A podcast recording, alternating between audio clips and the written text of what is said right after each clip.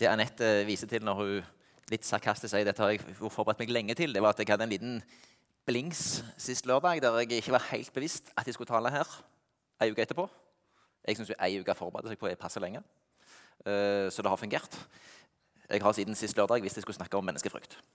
Jeg snakket med en del av dere som er her i kveld, ba om hjelp til forberedelsen, eh, og jeg sier takk for det. Før jeg går videre på emnet, så vil jeg bare dele noe Jeg rydda litt i, nå i uka. Da fant jeg et kort som jeg hadde fått til 50-årsdagen min. Der står det å tro er å vite at vi er ventet hjem. Det er nådens evangelium. Å tro er å vite at vi er ventet hjem. Det er nådens evangelium. Det syns jeg var veldig fint. Det er jo sånn da at eh, vi er på en vandring. Vi er på vei hjem. Vi er født inn i denne verden. Eh, det finnes en verden som ikke er synlig. Eh, skal komme litt tilbake til det. Det er jo veldig rart i dag, synes Jeg Jeg er jo oppvokst som barn og ungdom på 70-80-tallet. Da var det en veldig rasjonell tid, der alt som hadde med Gud å gjøre, som var veldig avvist. Det som er interessant nå, det er at både barnebøker, eh, voksenbøker, filmer, alt mulig tyter ut av åndelighet. Folk er veldig interessert i det åndelige. Den usynlige verden, som det ser ut på et eller annet vis vi vet finnes. Og vi som har fått tatt imot det gode budskap om at Jesus Kristus, han som døde på et kors, sto opp fra de døde, har åpna en vei til Gud som gjør at vi er på vei hjem til Han. Til en eh, evig glede sammen med Han. Og tro er å vite at vi har ventet hjem. Og det er også sånn at en menighet er et hjem. Det er slik at akkurat som Maria lagde et lite hjem for Jesus i stallen, som gjorde at gjeterne og disse herne vise menn kunne komme og se Jesus og møte ham. Akkurat slik prøver vi som bygger menighet og forsamling, å skape et hjem for Jesus her. Der det da er slik at eh, du skal kunne komme her og møte Jesus gjennom ordet og forhåpentligvis gjennom menneskene som er her. Eh, men det er jo der det begynner å bli vanskelig. Eh, menigheter, store og små, har veldig ønske ofte om å være flinke på det sosiale. Så må jeg bare be om unnskyldning til alle dere som ikke opplever det sånn. For det er faktisk nesten umulig å se alle i en stor forsamling. Derfor anbefaler jeg dere veldig sterkt, dere som er interessert i fellesskap, et hjem, eh, å bli med i en liten gruppe. Hvis dere ikke er med i en liten gruppe, så vil jeg gjerne at dere skal bli det. Spør Anette eller meg, skriv på kortet, snakk med Torgeir, ungdomsleder. Eh, den lille gruppa er kjempeviktig. Både for å se mer av Jesus og kjenne at du har et hjem der troen kan få utvikle seg. Da er vi over på dette her som går på kveldens emne menneskefrykt. Det er jo ikke alltid lett å komme alene i en stor forsamling. Jeg er imponert over dere som kommer her i kveld helt alene. Jeg har hørt noen si mm, i Salem der må du alltid ha med deg noen. For det er jo sånne sosiale greier. Du kommer over masse gjenger og miljøer. Sånn er det bare. Jeg kan be veldig om unnskyldning for det. Og så kan vi av og til ha noen veldige bilder om at uh, menigheter er sånne, skal være sånne som ser alle, og spesielt kjekt å se deg her i dag. Og, og den greia der. Jeg er såpass norsk at jeg aksepterer at uh, nordmenn er kalde utenpå å være med inni. Tar litt tid å bli kjent med oss. Tar litt tid å skru av det lokket. Eh, greia er bare at eh, det er vanskelig i det store å alltid bli sett. Eh, og da er det litt slik altså at uh, disse menighetene kan oppleves som litt som, som, noen monster. Der det ikke alltid fullt ut oppleves for deg at det modelleres at det her er et hjem som du er velkommen i. Når det er en gjeng på fire stykker der som ikke nødvendigvis inviterer deg inn. Men vi skal komme litt tilbake til det. Før vi går videre, så vil jeg bare be litt. Ja, Jesus, takk for de som har kommet her i Salem i kveld. Jesus, Jeg ber virkelig om at vi må få være et hjem der vi får komme sammen og kunne være et hjem for deg. Der mennesker som kommer her, må kunne møte deg. Både gjennom ordet, bønnen, forbønnen og gjennom andre mennesker. Jeg ber om at du eh, leder meg gjennom det jeg skal si. Jeg ber om at du åpner ordet for oss alle. Amen. Menneskefrykt. Substantivet frykt slo opp i Norsk ordbok. Synonymer angst, uro, engstelse, redsel. Menneskefrykt det er altså frykt for mennesker. Er det sosial angst? Er det sjenerthet? Det er et begrep som faktisk ikke er så veldig vanlig i daglig tale. Selv om det er kjent også i daglig tale, men ikke så veldig godt kjent. Uh, når jeg slår opp på sånn menneskefryktordet, så er seks av de ti første oppslagene det er knyttet til sånn kristne websider. Hvis jeg tar det, Den engelske oversettelsen den blir kanskje litt vel høytidelig. 'Fear of man'. Hvis du tar og googler 'Fear of man', så er det liksom ti av de ti første sidene der websider med kristent innhold. Så det er et begrep som typisk brukes inn i kristne miljøer. Um, men det finnes for så vidt uh, ellers òg, og er et begrep som er reelt. Og Derfor syns jeg det er veldig greit vi tar det opp. Fordi hvis vi først skreller vekk det med menneske sier bare frykt Menneskefrykt er altså en type frykt, en type redsel, en type uro. I Jobb kapittel 14, vers 1, der hører vi Mennesket født av en kvinne lever kort og fylles av uro. Det er altså veldig menneskelig dette å være litt urolig og småredd. Det følger med det av å være menneske. Og det følger av det som står som en tekst på min skjerm, kanskje snart også på deres, i, eh, i første Mosebok, kapittel 3, fra vers 8. Da hørte de lyden av Herren Gud som vandret omkring i hagen, og den svale kveldsprisen. Og mannen og kvinnen gjemte seg for Herren Gud blant trærne i hagen. Men Herren Gud ropte på mannen og sa, 'Hvor er du?' Han svarte, 'Jeg hørte lyden av deg i hagen og ble redd.' Fordi jeg er naken, og jeg gjemte meg. Wow! Syndefallet skapte redselen. Dette er jo interessant. Før syndefallet så var ikke menneskene redde. Men når det syndige kom inn, når det onde kom og ødela, så fantes redsel. Mennesket kjente seg avkledd, avslørt. Måtte få på seg klær, skjule sin nakne skam. De var altså da blitt sårbare. De hadde sett inn i ting som Gud hadde skjerma dem for. Dette er en erfaring som flere kan ha. Gud har altså spart dem for å spise frukten som ga kunnskap om godt og vondt. Jeg er helt sikker på at det finnes mennesker her i salen som har erfaringer som de skulle vært foruten. De har lært noe om ondskap eller synd, enten det er påført av andre eller det er selvpåført, som de skulle ønske de hadde sluppet å erfart. Ting som har skjedd som de virkelig skulle ønske de ikke hadde lært. Dette var jo òg noe av det som Adam og Eva erfarte. De erfarte noe de ikke burde ha erfart. Som ikke Gud ville de skulle erfare. Det er noe som mange mennesker opplever i dag òg. Du kommer opp i situasjoner, du kommer i møte med noe som ikke er helt sånn ok. Det er ondskapen, det er synden. Du får erfaringer og Disse erfaringene kan virkelig få deg til å kjenne deg både avkledd og skape frykt. Noe har skjedd. En vet mer om livet enn en ønsker å vite. Du skulle vært spart for det. Sånn var det også for Adam og Eva.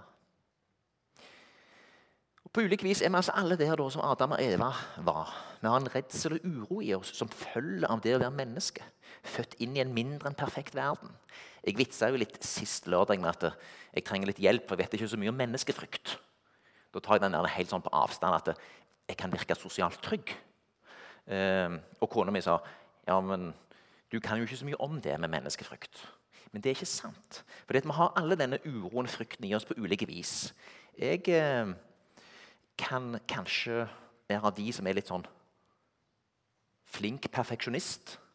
Som jobber ekstra lenge for at det skal bli helt perfekt. Overdriver litt. Grann. Kan hende burde jeg slappet av og hatt litt mindre redsel for at det gikk gale. Eh, og, og, og, og, jeg tror alle mennesker Min måte før når jeg var yngre Når du er 50, så har du også vokst på deg en eller annen type trygghet av erfaring.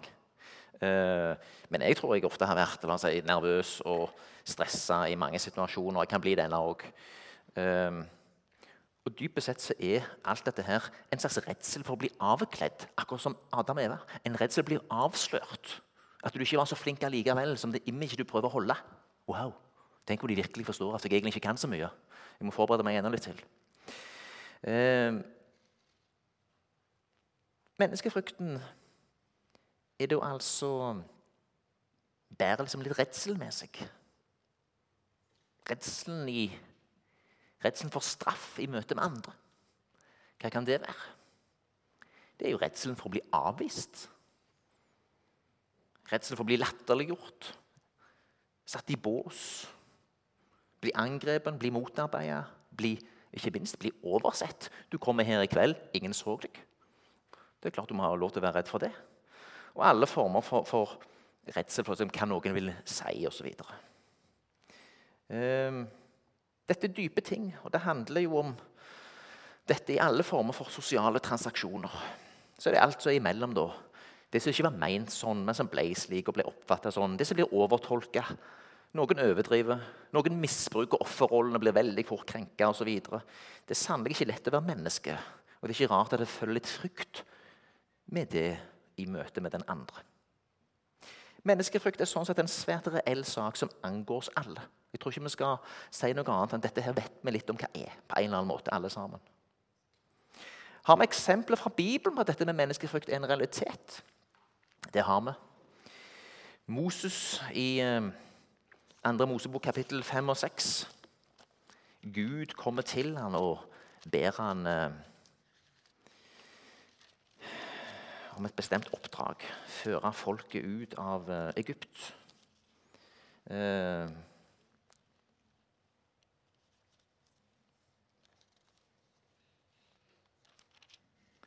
kapittel 5 og 6, kapittel, kapittel ja, 3 og 4 er det meste står i.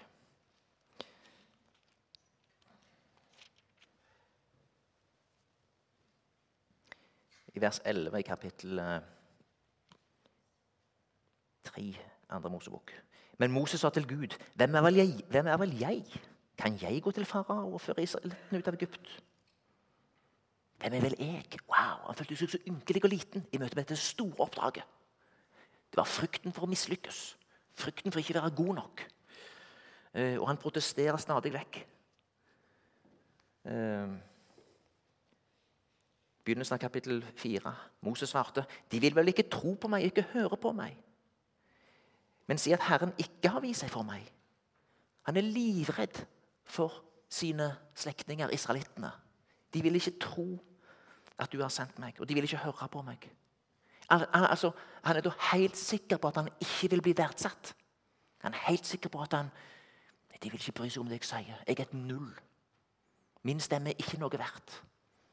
Eklatant eksempel på menneskerøkt. Så kan vi gå videre.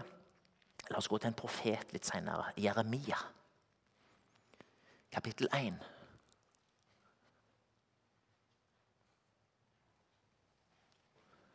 Før jeg formet deg mors liv, kjente jeg deg. Før du ble født, helliget jeg deg. Til profet for folkeslagene satte jeg deg. Men jeg sa, Å min Herre og min Gud, se, jeg kan ikke tale, for jeg, er for ung. Redselen for å være for ung, kunne for lite, ikke ha autoritet nok. Da sa Herren til meg, du skal ikke si jeg er ung. Overalt hvor jeg sender deg, skal du gå, og alt jeg befaler deg, skal du si. Vær ikke redd for dem, jeg er med deg og skal berge deg, sier Herren. Vær ikke redd for dem, jeg er med deg og skal berge deg. Godt eksempel på eh, menneskefrykt. Redsel for å være ung og uerfaren, ikke kunne noe.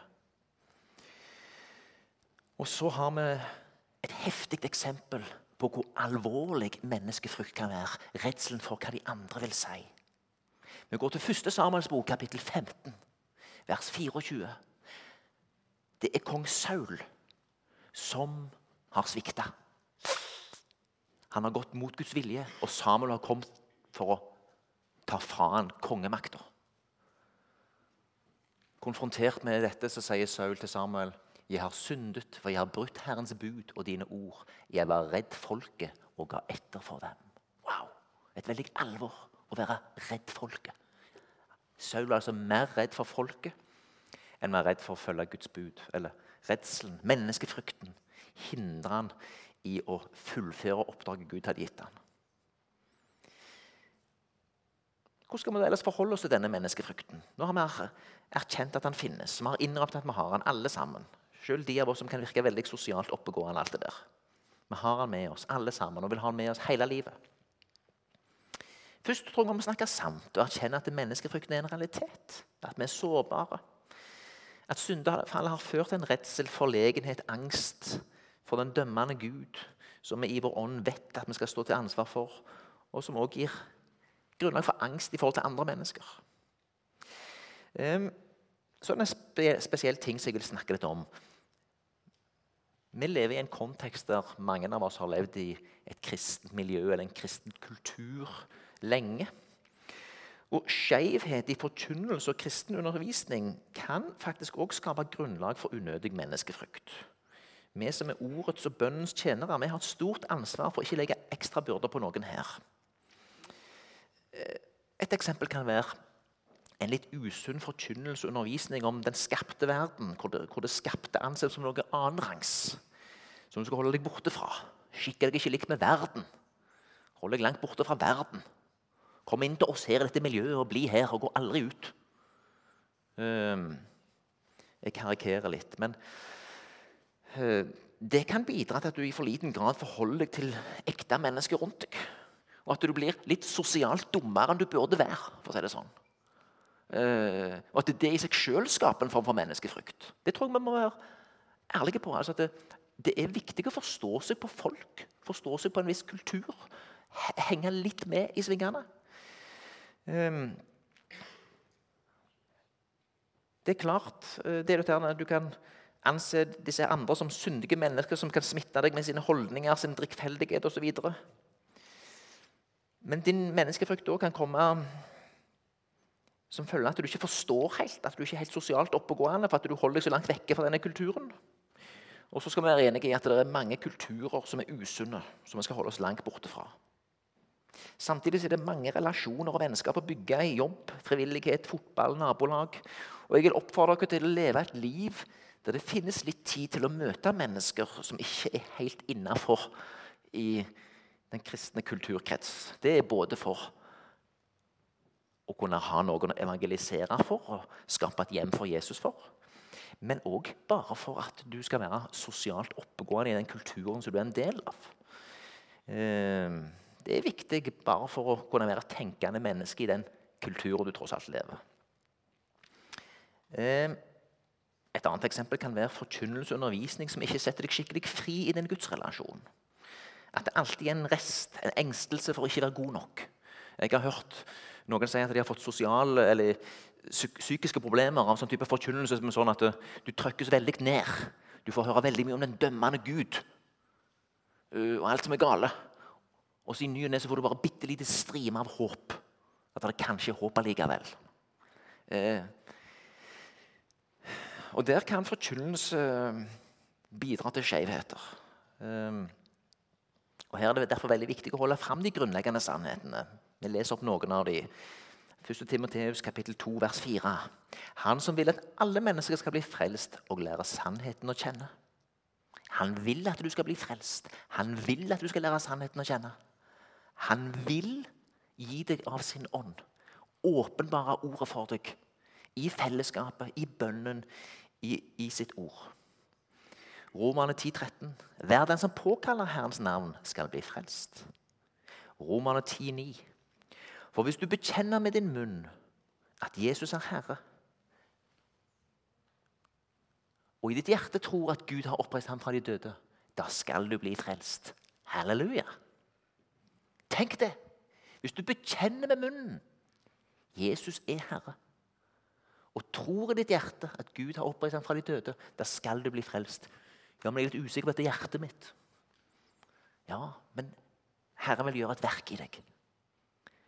Eh, jeg har ei svært gammel bok, skrevet i 1776. Der er det et fint er det noen spørsmål dette her med, med Gud og sånn. Tror du at det er en Gud? Ja, for verden kan umulig ha gjort seg selv. Det må være skapt av en som er eldre og høyere enn alt det skapte. Et evig vesen som er Gud. Tror du at Gud rår for evigheten? Ja, for han er over alle ting. Tror du at Gud unner deg saligheten, altså et evig liv sammen med han? Og så kommer svaret i denne troslæren. Ja, for han er en god Gud. Det er spørsmål nummer fem i denne troslæren. Ja, for han er en god Gud. Han unner deg sin frelse. Han unner deg at du skal få ha en relasjon til ham. Og Her er det litt viktig at vi snakker sant om Gud. Um, I staben vår har vi vært litt opptatt av i høst dette her med at det, det, er viktig at vi får på plass disse tingene, disse grunnleggende tingene. Og det er godt hvis vi kan jobbe med å ha et gudsbilde som der vi har en tillitsfull relasjon til Gud som vår far. Til Jesus som vår storebror, som går i forbønn for oss hos uh, Gud. En storebror som har gjort alt ferdig, en storebror som er perfekt, og som har fri adgang til Gud Fader. Og som lar oss småsøsken få skjule oss bak Han som er perfekt. Det er vår perfekte bror i Kristus som er grunnen til at vi har en åpen adgang til Gud. Og så er det noe som heter treenighet. Hvis dere finner tak i en bok av en kar som heter Christian Schwartz jeg tror den er oversatt til norsk også. Han er opptatt av, veldig opptatt av treenigheten. En tysk pastor. Um, han er veldig opptatt av at treenigheten, at Gud Fader, Guds Sønn og Gud den hellige ånd må være på plass for at du skal ha et sant bilde av Gud. Det kan være en fare at hvis du bare forholder deg til Gud Fader, den dømmende Gud og den frelsende Jesus, så går det bare fra han som dømmer, til han som frelser, og fram og tilbake. Det er veldig viktig å ha med seg Den hellige ånd. Den hellige ånd representerer bønnen, vandringen, ledelsen. Det å leve et kristent liv er veldig viktig. Du, du, du, du, har, skal ikke bare forholde deg til noen læresetninger og et bibelord. Du skal leve et liv. Du skal vandre i ånden. Du skal vandre sammen med Herren i livet. Og Da skal du være trygg på at ca. der du er nå, er ca. der som Gud har satt deg. Hvis du har tatt imot Jesus, så skal du være trygg på det. Eller så kjenner du kanskje bare en eller annen uro i deg. Den trenger ikke være så veldig sånn redseluro, men du kan kjenne noe som gjør at du blir tilskyndet til å gjøre noe annet. Men for den som vandrer med Herren, så stenger dører seg. Hm, 'Dette var rart, Gud. Hva skjer nå?' Og så åpner dører seg. Og så ber vi litt og lurer på Gud, skal jeg gå inn der? Og så blir vi ledet. Og så snakker du med andre kristne, og så ber du noen be for deg, og så går du i ordet. Og så bare møter du det som livet gir deg. Og så skal du være trygg på at du er ca. der som Herren vil ha deg.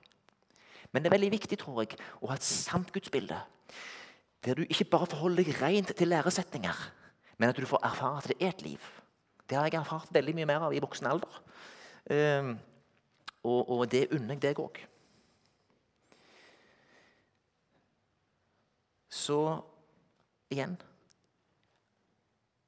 For å slippe unna for mye av feil menneskefrykt, så er det godt at du får høre god undervisning, sunn forkynnelse og at du får på plass et godt bilde av hvem Gud er, som en god far for deg.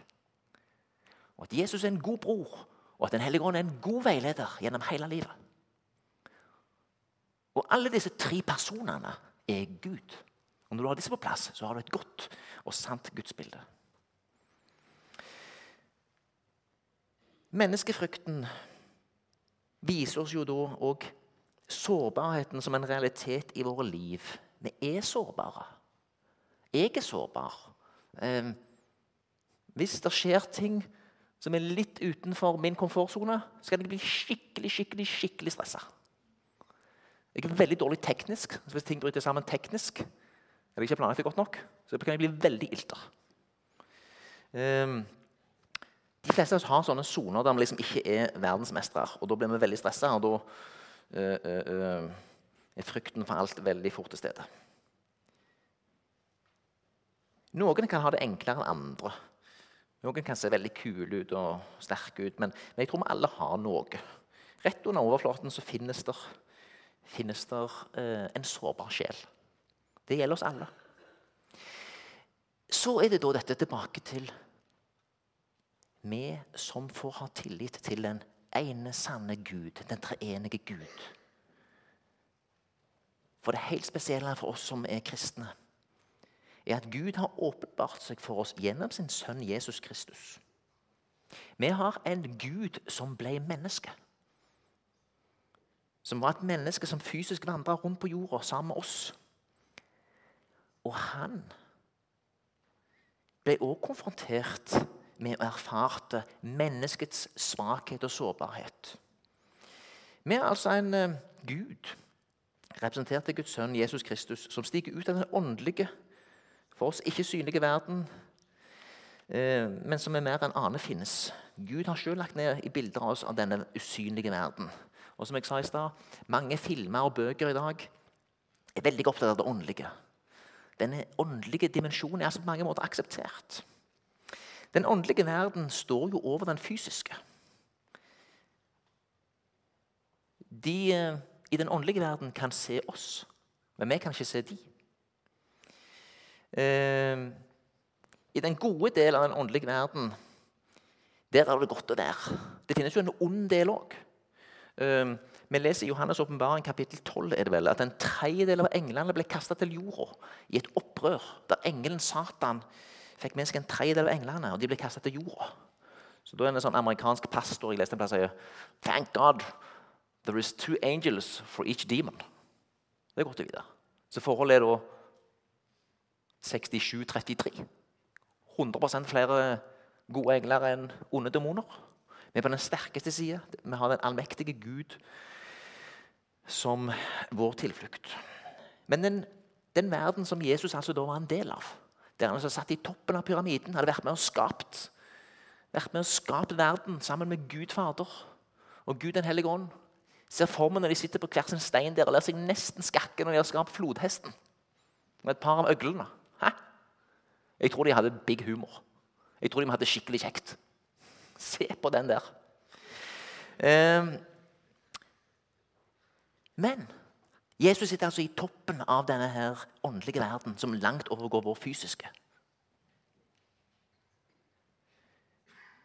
Så er det sånn da, Hvis du sitter på toppen av denne åndelige verden, og så skal du tre ut av den åndelige verden inn i den fysiske som du altså har vært med og skapt. Der skal du erfare effektene, konsekvensene av det onde kom til jorda. At ondskapen fikk makt, og at det skapte ikke lenger var perfekt, men ble forbanna av Faderen.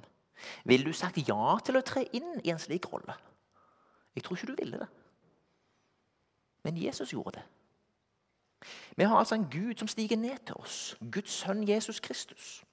Han erfarer kulde, sult, smerte, sykdom, lite penger. Han var fra en helt vanlig, litt halvfattig familie. Hardt arbeid. Senere erfarer han å bli avvist. Han erfarer motstand, forfølgelse, latterliggjøring, hån, raseri og sinne mot seg, motstand. Han opplever å bli svikta og forlatt. At han skuffa noen av de som han uh, snakket med.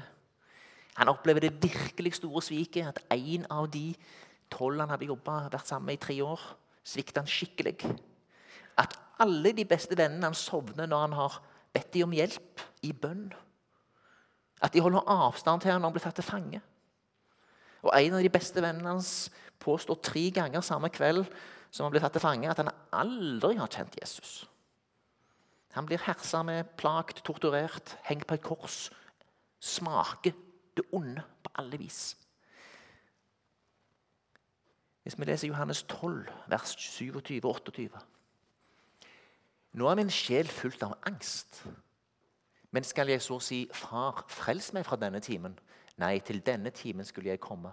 Far, la ditt navn bli herliggjort. Da lød en røst fra himmelen. Jeg har herliggjort det og skal herliggjøre det igjen. Jesus erfarte å være redd. Han har erfart å ha dødsangst. Han har erfart en redsel og en angst som er mye verre enn den verste angst som du noen gang har kjent. Det var både angsten for å ha det vondt og angsten for Gud Fader som skulle legge all verdens ondskap på ham og straffe sin egen sønn. Vi vet ikke, det, vi vet ikke hvor ondt det kunne være. Men det, jeg tror bare altså, den smerten som vi har lest om i Bibelen, er en brøkdel av den smerten han måtte virkelig erfare. Hebreerbrevet kapittel 4, vers 15. For vi har ikke en øverste prest som ikke kan lide med oss i vår svakhet, men en som har prøvet i alt på samme måte som vi, men uten synd. Halleluja. Vi har ikke en øverste prest som ikke kan lide med oss i vår svakhet. Det kan han gjøre, for han har erfart, erfart svakhet og sårbarhet. Mye, mye verre enn den sårbarhet og svakhet vi har opplevd. Så til deg som kjenner på sårbarhet, engstelse, menneskefrykt, frykt for hva som helst Gud ved sin sønn forstår deg, kjenner angsten sjøl og kan trøste deg på troverdig vis. Jesus Kristus har oppstått. Han har vist at oppstandelseskraften er sterkere enn døden og syndens kraft. Angst og redsel kan være lammende, drepende, ødeleggende. Men òg disse ødeleggende kreftene har Guds sønn tatt på seg. Du skylder altså ikke denne menneskefrykten noe som helst. Du trenger ikke være naken Adam eller Edva. Tvert imot, du kan få ta på deg klær som en konge eller dronning verdig. Nå skal vi se på en fantastisk fin tekst. Bakgrunnen er følgende. Kong Jojakin ble tatt til fange og ført til Babylon av kong Nepukadneser. Han sitter i fangehullet, men når det kommer en ny konge, så benåder han Jojakin. Dette slår jeg helt til slutten av andre kongebok. Jojakin fikk legge av seg fangedrakten, og siden spiste han alltid ved kongens bord så lenge han levde. Sitt daglige brød fikk han av kongen dag for dag så lenge han levde. Bare la teksten stå litt. Dette er for meg et av de mest fantastiske vers om hva det vil si å være kristen. Hvis vi nå har sett og snakket om at angsten vår frykten vår, menneskefrykten vår, hele pakken følger av syndefallet, at vi blir avkledd, og at vi i grunnen blir redd for å bli avslørt og redd for å dumme oss ut, så har altså Jesus Kristus gjennom sin sårbarhet åpna en vei for oss til Gud. Der han har kledd på oss en ny drakt. Den drakten som Gud gir den som er rettferdig. Ikke fordi han er så perfekt i seg sjøl, men fordi den som tror, skal bli frelst. Den som tror på Jesus, skal bli frelst. Og Da er dette her et tidlig bilde. En eh, 500-600 år gammel profeti før Jesus kom, om hva som skulle skje. Fordi denne mannen ble benåda av kongen. Og han fikk lov til å være ved kongens bord og få kongeprakt og kongedrakt. Og hver dag, så, fikk han, så, så lenge han levde, fikk han altså spise sitt daglige brød sammen med kongen. Og det livet har du allerede begynt på. Du som har tatt imot Jesus, og du som ennå ikke har tatt imot ham, kan få komme dit at du kan få ta på deg en drakt som skjuler din skam, som skjuler din nakenhet, som skjuler din angst, som du har som et naturlig menneske. Og så skal du få lov som Jojakin å bli benåda og bli invitert inn til kongen. Du skal bli invitert inn til kongen. Og du blir kongelig sjøl. Du blir konge eller dronning. Og du får daglig spise av det som Gud vil gi deg. I sitt ord, i bønnen, i vandringen, i det kristne hjemmet som jeg håper du får bli en del av i en bibelgruppe eller en menighet.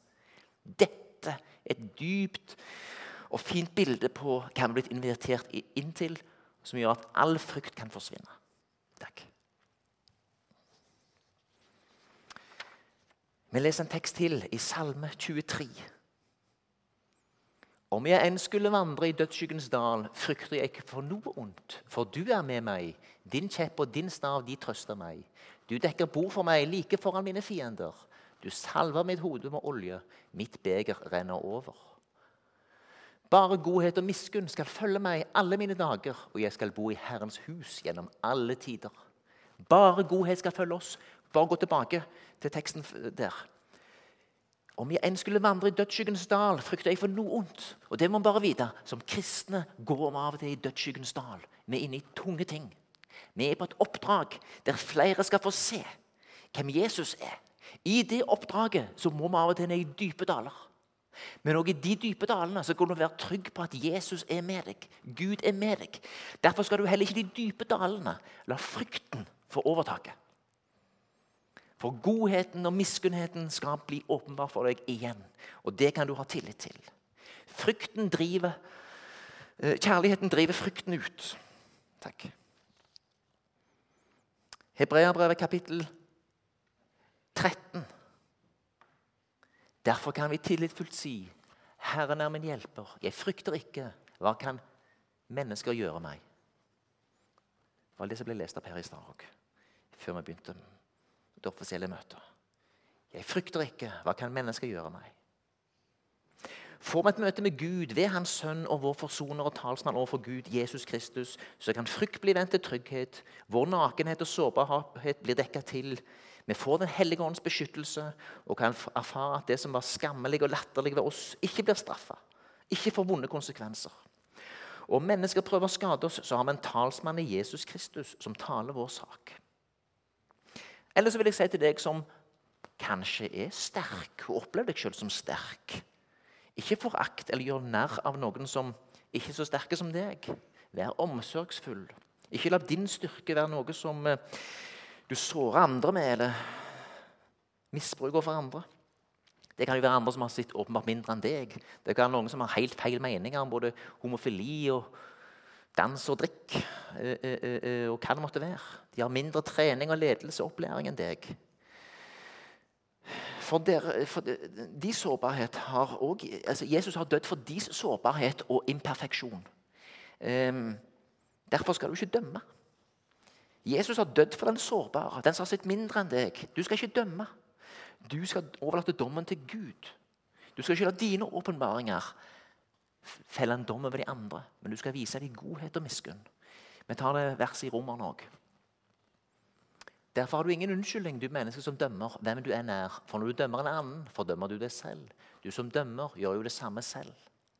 Dette er en veldig fare for mange av oss som er kristne, at vi blir slike dommere. Og Da blir vi slike som igjen skaper frykt. For da vi kommer på andre sida og er sånne som ikke lenger kjenner oss sårbare, men som har kommet i en dommerposisjon, det må vi passe oss for. For da lager vi rommet mindre enn det trenger å være. Da blir hjemmet og døra inn til det hjemmet mindre enn det Gud vil. Vi må ta på oss andres svakhet, og vi må passe oss slik at vi kan formidle Jesus Kristus på en sann måte. Han tok på seg all vår sårbarhet, all vår skam, all vår nakenhet. Og vi skal prøve i kjærlighet og godhet å skape et rom for Jesus, samtidig som vi da altså viser den kjærlighet som Gud hadde, som har vist til oss. Vi skal formidle det eksempelet videre. Da kan vi redusere den andres menneskefrykt.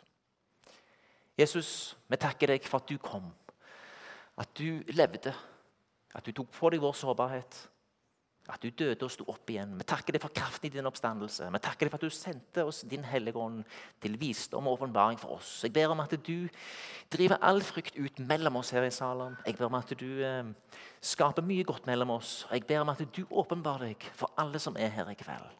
Takk for at det er din gode vilje. Amen.